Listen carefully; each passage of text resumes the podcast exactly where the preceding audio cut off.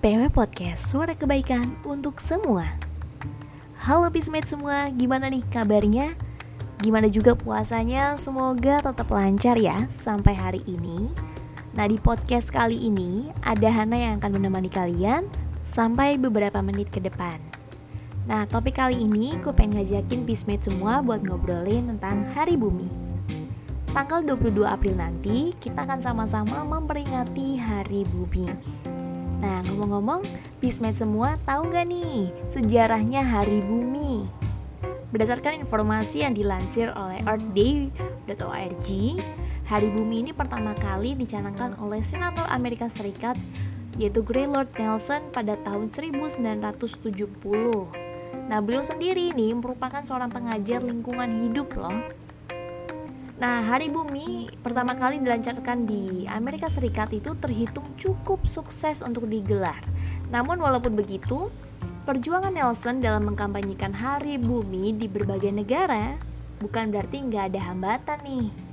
Memang sangat sulit sekali menyebarkan gerakan Hari Bumi ke berbagai negara. Bahkan di Kanada sendiri yang merupakan negara terdekat dari Amerika Serikat pun tidak memperingati Hari Bumi yang pertama hingga pada tahun 1980. Nah, namun pada tahun 1990 ada lebih dari 140 negara di dunia yang mulai paham dan mulai mempertimbangkan tentang pentingnya dampak lingkungan bagi manusia. Ada alasan lain juga mengapa Hari Bumi itu jatuh pada tanggal 22 April. Tentunya sangat sederhana ya, karena pada hari itu termasuk uh, masa liburan musim semi dan juga ujian akhir untuk para siswa. Karena memang target utamanya dari program lingkungan ini adalah para siswa yaitu merupakan generasi muda sehingga bisa diperingati secara bersama-sama. Terus kenapa sih kita perlu banget memperingati Hari Bumi? Nah, Tujuan peringatan dari Hari Bumi ini sendiri sebenarnya adalah untuk meningkatkan kesadaran dan apresiasi kita terhadap bumi, di mana bumi ini merupakan tempat tinggal kita. Nah, bicara tentang Hari Bumi, tentunya kita tahu dong bahwa saat ini terjadi kerusakan lingkungan yang sudah terjadi di mana-mana. Salah satunya terjadi di negara kita, Indonesia. Tentunya udah gak asing banget ya dari teman-teman mungkin udah sering dengar banget masalah hutan ya hutan di Kalimantan bahkan Papua yang saat ini masih mengalami eksploitasi ya bahkan adanya penghancuran mungkin e, oleh korporasi yaitu di mana penggundulan hutan dialihkan menjadi industri. Dari riset yang telah dilakukan oleh Walhi, um, didapatkan data bahwa lahan seluas 159 juta hektar sudah terkapling dalam izin investasi industri ekstraktif yaitu di mana luas wilayah daratan yang secara legal juga sudah dikuasai oleh korporasi, yakni sebesar 82,91 persen, sedangkan untuk wilayah laut sebesar 29,75 persen.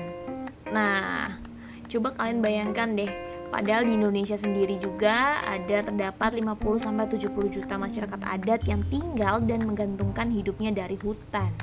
Bagaimana jadinya jika hutan itu dirusak dan bahkan dikuasai untuk industri saja? Tentunya ini akan sangat memperparah laju laju pemanasan global dan juga konflik di daerah yang juga bakal semakin meningkat.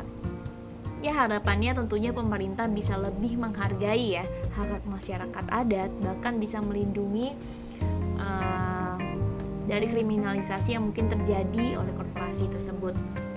Oke, okay selain masalah hutan sebenarnya ada masalah lain lagi yang saat ini masih terjadi di Indonesia yaitu salah satunya adalah sampah plastik di laut. Berdasarkan uh, studi global yang dilakukan oleh Jambek dan kawan-kawan Indonesia ini sebenarnya termasuk negara terbesar kedua yang menyumbang timbulan sampah plastik ke laut.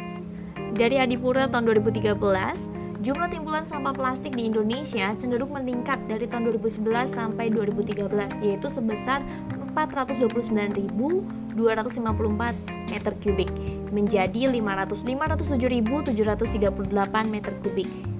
Nah, jenis plastik yang ditemui di dalam sampah perkotaan yaitu antara lain adalah LDPE atau light density polyethylene, kemudian PP polypropylene, kemudian HDPE high density polyethylene, kemudian PVC atau polyvinyl chloride, kemudian PET, kemudian styrofoam dan lain-lain. Dengan komposisi terbanyak adalah jenis PP dan uh, eh, HDPE. Nah, perlu tahu juga bahwa sebenarnya sampah ini uh, seperti kantong plastik tidak sampai ke tempat pembuangan akhir sampah. Jadi yang didaur ulang ini sangat sedikit. Sehingga banyak sekali sampah kantong plastik tersebut hanya berakhir di sungai, kemudian di saluran air, bahkan akhirnya sampai ke laut.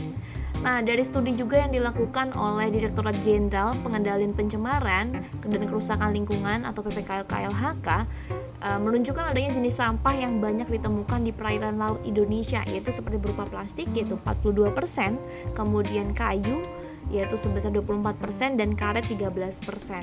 Jika pencemaran sampah plastik ini di laut terus terjadi, tentunya akan sangat berdampak pada keanekaragaman hayati.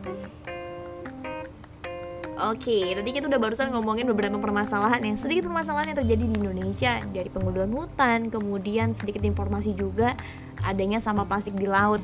Nah, di sini juga gue pengen banget nih ngajakin peacemate semua untuk sama-sama memperingati Hari Bumi, ya, dengan cara yang simple aja deh. Dan semoga ini juga bisa kita lakuin sama-sama seterusnya ya. Yang kita bisa lakukan selama pandemi ini.